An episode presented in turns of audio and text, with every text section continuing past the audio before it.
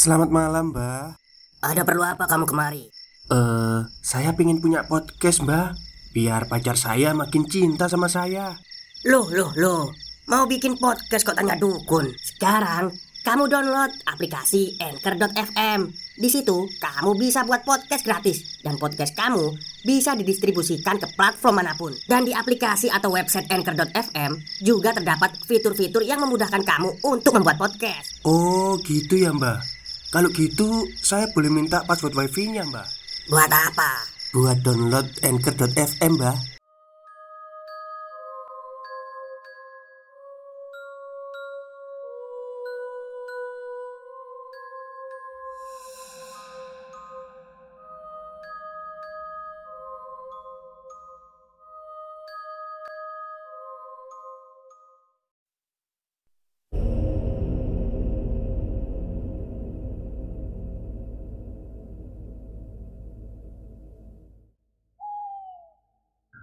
Assalamualaikum warahmatullahi wabarakatuh. Halo semuanya, jumpa lagi dengan saya Chow Sing Sing, kurator dari Podcast Horror Night Story.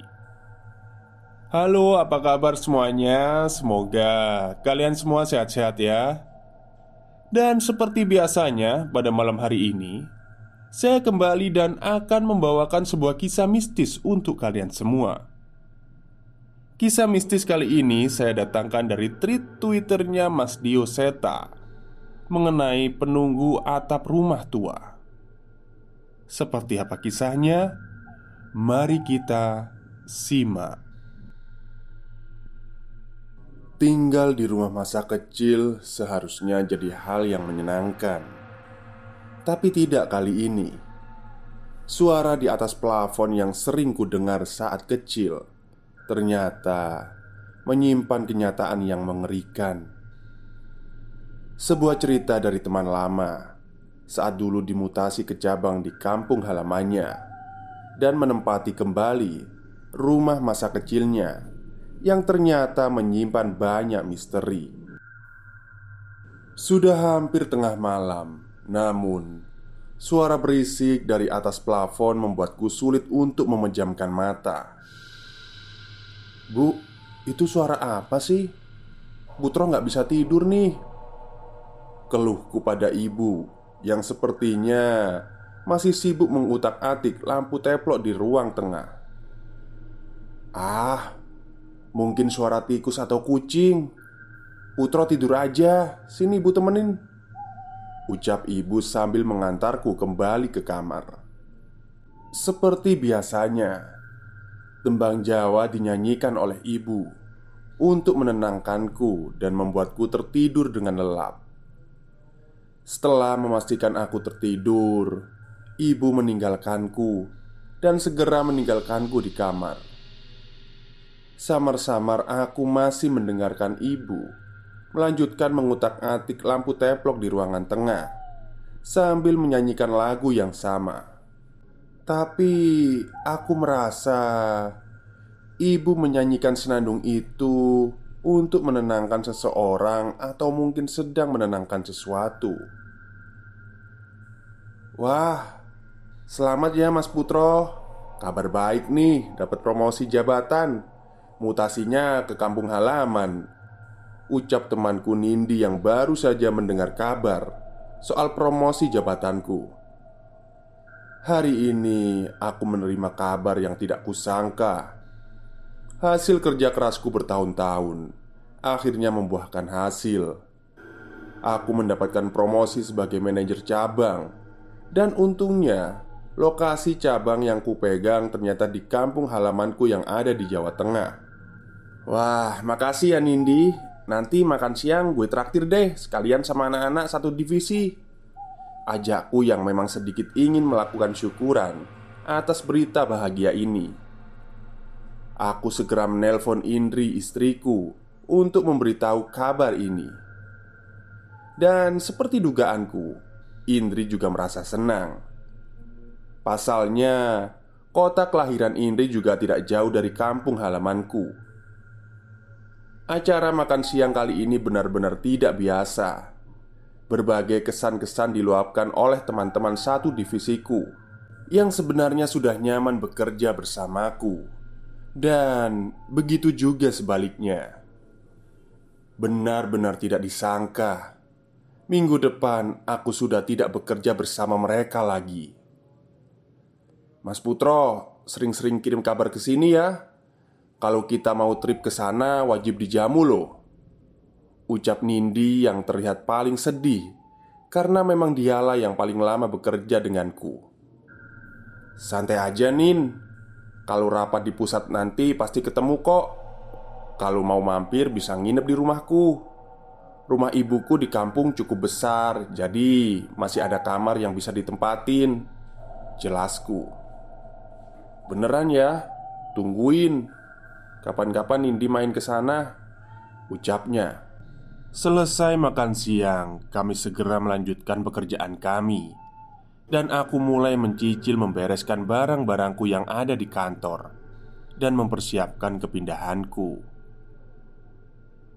Singkat cerita, saat ini tepat di hadapanku dan Indri berdiri sebuah rumah tua yang masih kokoh dengan arsitektur zaman Belanda yang terhitung mewah pada masanya. Beberapa mobil yang mengangkut perabotan sudah datang duluan dan mulai menata barang-barang yang kubawa dari Jakarta. Eh, Mas Putro nggih. Kapan sampai di sini, Mas? Ucap Bu Sarti yang kebetulan lewat dengan membawa belanjaannya dari warung. Eh, Ibu, lama sekali ya nggak ketemu. Ini saya baru saja sampai. Eh, ini kenalin istri saya Indri. Balasku pada Bu Sarti Salah satu tetanggaku yang dulu cukup akrab dengan ibu Saat ibuku masih hidup. Salam kenal ya bu, saya Indri Ucap Indri dengan ramah. Wah, ayune bojomu. Semoga betah ya tinggal di sini. Kalau butuh apa-apa, bilang aja. Rumah ibu di ujung jalan Putro juga tahu kok. Lanjut Bu Sarti. Iya bu, terima kasih banyak. Nanti Indri izin ngerepotin ya. Balas istriku. Setelah perbincangan singkat itu Kami memutuskan untuk masuk ke rumah Dan menyusun barang-barang di rumah. Aku menyusuri ruangan demi ruangan Dan segera Kenang-kenangan saat tinggal di rumah ini muncul memenuhi kepalaku Hah, enak ya mas rumahnya, adem Ucap Indri. Syukurlah kalau Indri suka dengan rumah ini. Seandainya ia tidak suka tinggal di rumah ini pun Aku sudah siap untuk mencari kontrakan untuk kami tinggal. Iya Indri. Rumah ini plafonnya cukup tinggi Jadi sirkulasi udaranya bagus. Siang bolong begini gak panas kan? Tepat sebelum maghrib, kami sudah selesai mengatur barang-barang kami di rumah. Beruntung, aliran air dan listrik masih lancar. Namun, lampu yang terpasang masih lampu bohlam, warnanya kuning, dan menimbulkan suasana di rumah ini menjadi cukup remang-remang di malam hari. Aku menikmati kopi hitam buatan Indri sambil menikmati suasana rumah yang sudah lama tidak kutempati. Sementara Indri terdengar sibuk di dapur Menyusun peralatan dapurnya. Saat sedang sendiri seperti ini Entah mengapa cahaya lampu yang remang-remang ini membuat perasaanku tidak nyaman. Namun Suara berisik Indri di dapur cukup mampu menemaniku untuk mengusir rasa gelisah yang muncul. Duk Duk Perlahan terdengar suara dari atas langit-langit rumah Seperti hewan yang melangkah dengan cukup keras. Aku sudah biasa mendengar hal ini. Memang Kata ibuku dulu Plafon rumah kami sering dilalui hewan. Eh mas Di atas itu ada suara apa? Tiba-tiba Indri keluar dari kamar Menanyakan mengenai asal suara itu Oh, itu paling suara tikus atau kucing. Jawabku dengan santai. Tapi Tunggu dulu. Indri baru saja keluar dari kamar Bukan dari dapur. Kalau begitu Siapa yang ada di dapur Yang suaranya terdengar sejak tadi? Aku segera berdiri dari kursi kayu tempatku menikmati kopi Dan segera mengecek ke arah dapur. Ke Kenapa mas? Tanya Indri yang heran dengan kelakuanku. Aku tidak menjawab Dan terus melangkah ke dapur. Tidak ada satupun peralatan yang berpindah di sana Dan semua masih tersusun rapi. Entah dari mana asal suara tadi Aku melihat sekeliling dapur hingga terhenti di jendela yang mengarah ke kebun di belakang rumah. Samar-samar Aku seperti melihat ada yang bergerak dari arah luar Dan segera aku hampiri jendela itu Tapi Aku tak melihat apa-apa saat mendekat Namun Saat wajahku hampir menempel ke jendela itu Terjatuh sebuah kepala anak kecil berwajah pucat Dengan posisi terbalik Dengan tangannya yang menggebrak kaca jendela dapur. Hihihihi. Makhluk itu tertawa melihatku yang terjatuh tak mampu melawan rasa kagetku. Seketika, seluruh tubuhku merinding dan panas dingin mulai menjalar ke seluruh tubuh. "Mas, ada apa, Mas?" tanya Indri yang heran dengan tingkah lakuku. Itu tadi ada anak kecil di luar Ucapku pada Indri Dan segera mengecek ke arah jendela Mana? Gak ada apa-apa mas Anak tetangga mungkin Tanya Indri Tidak ada Segera saja aku mengecek ke arah tempat Indri melihat Namun Memang tidak ada apa-apa di sana Iya, mungkin Mas salah lihat ya. Ucapku yang berusaha tidak menjadikan ini hal aneh kepada Indri. Istirahat aja, Mas. Mas masih capek mungkin. Kamarnya udah rapi kok. Balas Indri. Hari demi hari berlalu seperti biasa. Indri terlihat mulai akrab dengan ibu-ibu tetangga dan sepertinya ia juga betah tinggal di tempat ini. Beruntung tidak ada kejadian aneh lain yang terjadi semenjak kemunculan anak kecil di jendela itu. Hari ini aku pulang cukup terlambat. Kira-kira setelah maghrib aku baru sampai di rumah. Indri, Mas pulang. Ucapku sambil membuka pintu. Terdengar suara langkah kaki mendekat ke arahku. Tapi tunggu, itu bukan suara langkah kaki istriku Indri. Suara langkah kaki itu terdengar di plafon rumah. Namun anehnya, tidak ada guncangan sama sekali di atas plafon. "Mas, kenapa, Mas?" Tanya Indri yang segera menghampiriku dari dapur. "Eh, nggak apa-apa, nggak apa-apa kok. Ini mas bawain martabak manis Kamu doyan kan? Ucapku sambil menyerahkan martabak manis yang sepertinya cukup bisa membuatnya tersenyum Seperti biasa Setelah pulang kerja, kami menyelesaikan makan malam dan nonton TV Kami sengaja menikmati masa-masa ini Sebelum saatnya nanti Tuhan mempercayakan momongan kepada kami Sayup-sayup terdengar rintihan hujan menyentuh atap rumah Stop, stop.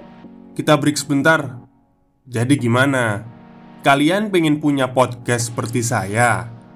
Jangan pakai dukun, pakai Anchor. Download sekarang juga. Gratis. Waduh, Mas.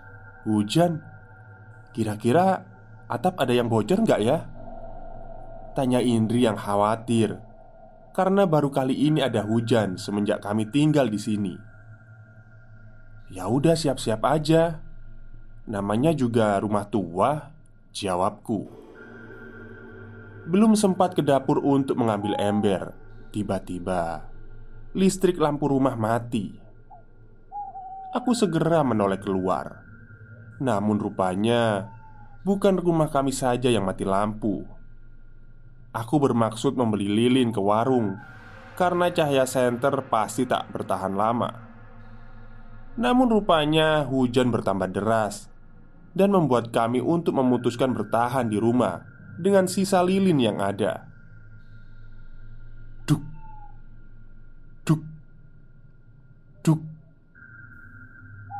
Suara itu terdengar dari atas plafon lagi. Tidak seperti biasa. Kali ini suara itu terdengar seperti langkah kaki yang berjalan pelan. Eh, Mas, itu beneran suara binatang? Tanya Indri yang mulai ragu. Iya, Indri. Suara itu memang sering terdengar sejak Mas kecil. Jawabku. Indri berusaha menerima jawabanku, walau wajahnya terlihat tidak yakin. "Mas, aku ke kamar mandi sebentar ya. Pinjam lilinnya."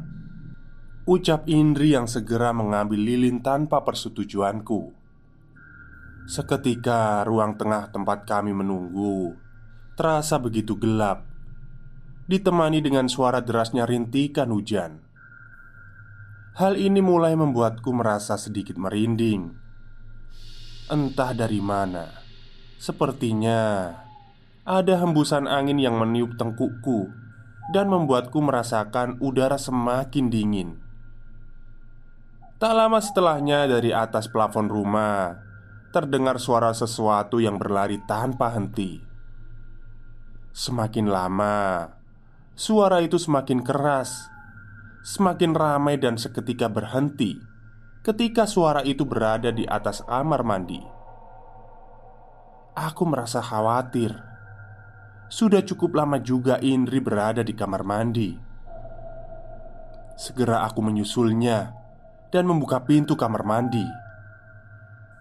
Tak seperti dugaanku, ruang kamar mandi ternyata gelap. Aku berusaha mencari keberadaan Indri dan di dalam gelap samar-samar terlihat Indri terduduk lemas dengan memegang lilin yang sudah mati. Dan yang membuatku khawatir, mata Indri terlihat memandang ke atas tanpa henti. "Indri, kamu kenapa? Ada apa ini?" Tanya aku yang cukup panik. Indri tidak menjawab ia masih terlihat terpaku dengan matanya yang terus memandang ke satu titik di atas. Merasa ada yang janggal, aku mengambil korek api dan mencoba menyalakan lilin yang ada di tangan Indri. "Jangan, Mas, jangan nyalain lilinnya," ucap Indri dengan suara yang bergetar. "Kenapa, Indri? Sini biar Mas periksa." Balasku yang dengan segera merebut lilin dari tangan Indri dan menyalakannya.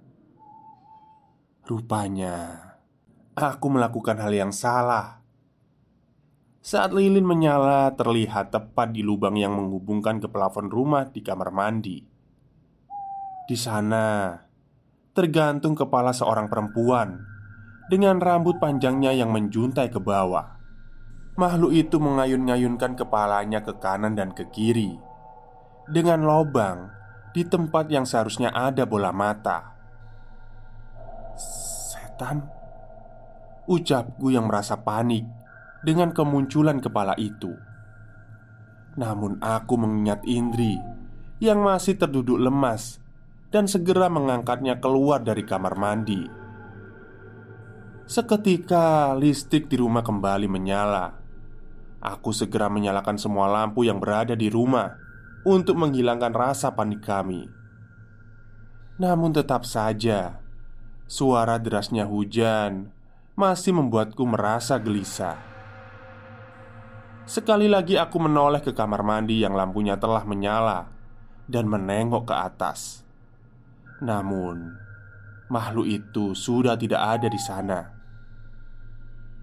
Udah gak ada, Ndri Tenang aja Ucapku sambil memberikan segelas air putih untuk menenangkannya. I Itu tadi apa, mas? Tanyanya dengan suara masih bergetar. Mas juga gak tahu. Coba nanti mas cek ke atas deh Jawabku. Sebenarnya aku juga cukup takut. Namun jika tidak kupastikan Aku takut Indri akan menjadi trauma Hati-hati ya mas Setelah mempersiapkan tangga Aku naik ke atas plafon Dengan membawa senter Dengan sisa baterai seadanya Tembok-tembok dinding kamar rupanya dibangun sampai ke atas sehingga plafon rumah ini terlihat seperti terpisah beberapa ruangan. Duk, duk, duk. Suara itu terdengar lagi lebih dekat denganku. Rupanya memang benar suara itu berasal dari tempat ini. Namun, aku tidak berhasil menemukan sumber suara itu. Sakit terdengar suara mendekat ke arahku. Seketika aku merasa merinding. Aku memutuskan kembali untuk turun. Namun, lampu senterku tiba-tiba mati.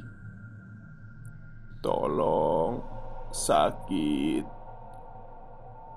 Dengan panik, aku merangkak menuju lubang tempatku naik ke atas. Namun, entah mengapa, Aku tidak pernah sampai kembali ke sana. Aku merasa lelah, berhenti dan menoleh ke belakang. Dan kali ini aku tidak bisa menahan rasa takutku saat melihat seorang anak perempuan berambut panjang bertelungkup di lantai dengan mengangkat wajahnya yang tidak memiliki mata dan digantikan dengan darah yang bercucuran dari kedua lubang matanya. terdengar suara tangan makhluk itu memukul lantai plafon dan menyeret tubuhnya yang ternyata sudah tidak memiliki kaki. Duk, lengan satunya menyusulnya hingga tubuhnya maju mendekat ke arahku.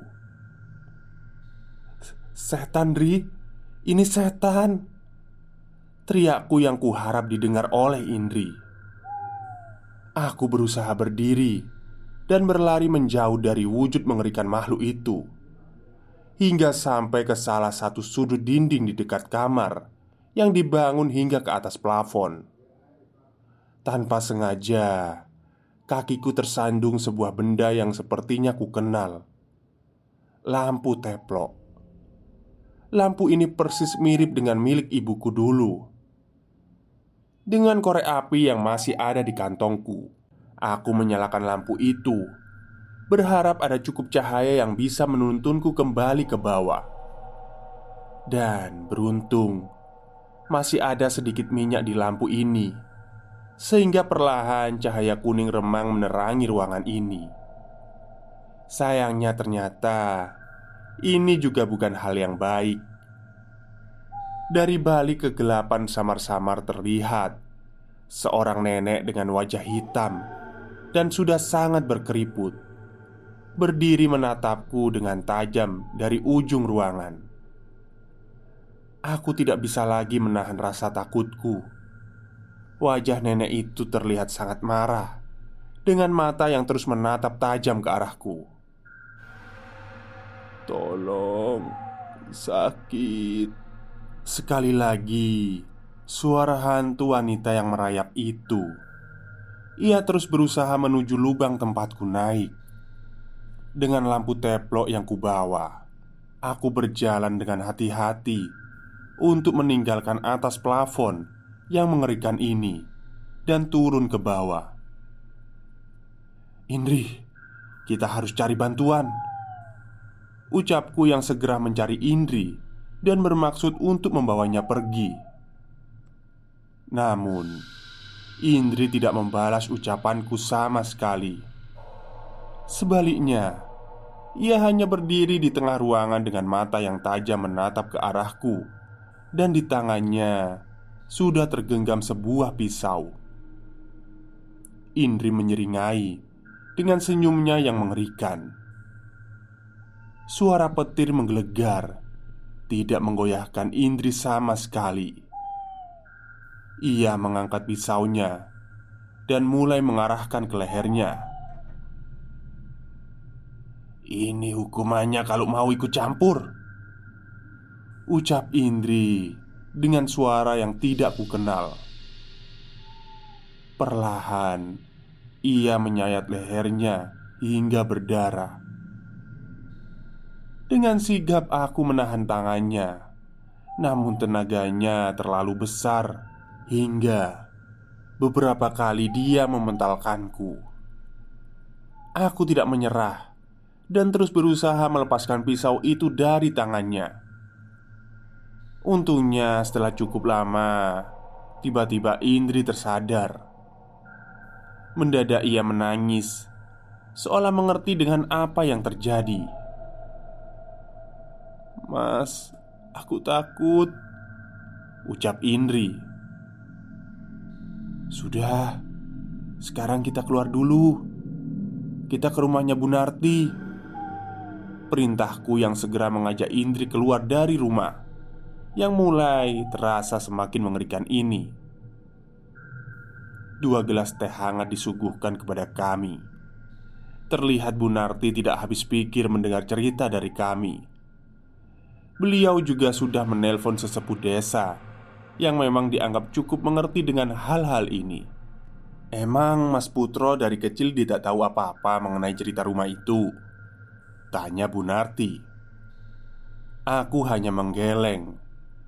Selama ini memang ibu tidak pernah menceritakan apa pun mengenai rumah yang aku tinggali sejak kecil itu. Sebelum ditinggali keluargamu Rumah itu milik seorang nenek yang misterius. Dia tinggal di sana sendiri. Padahal semua anaknya hidup kaya raya semua kebutuhannya dipenuhi oleh anak-anaknya yang seminggu sekali datang ke sana. Ada kabar nenek itu menjaga sesuatu yang berada di sana.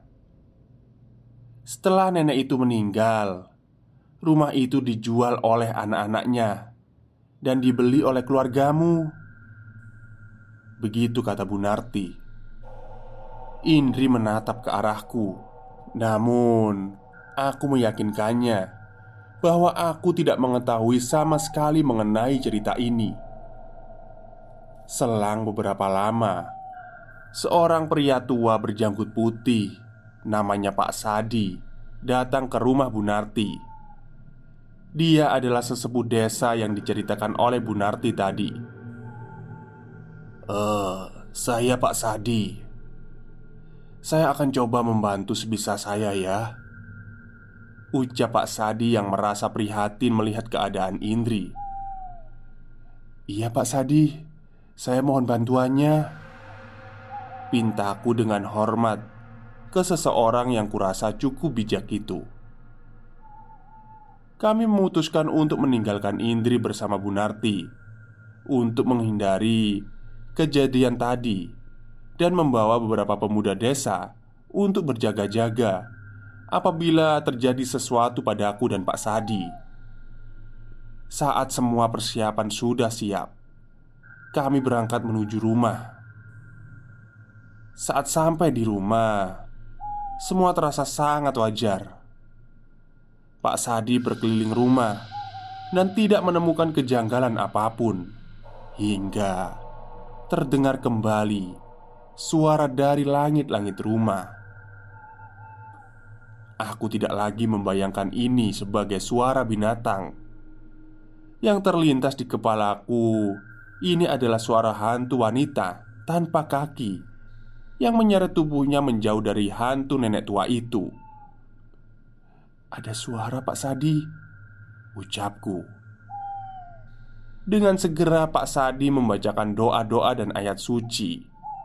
Namun Tidak ada apa pun yang terjadi Sesekali suara dari atas plafon semakin terdengar Hingga kami memutuskan untuk naik ke atas berbekal senter dengan baterai yang sudah penuh. Kami berdua menyusuri pelafon mencari sosok yang sebelumnya kulihat. Namun, tidak kami temukan apa pun di sana. Benar di sini, Pak Putro? Tanya Pak Sardi. Iya, Pak, di sini. Ucapku yang heran karena tidak menemukan makhluk-makhluk itu.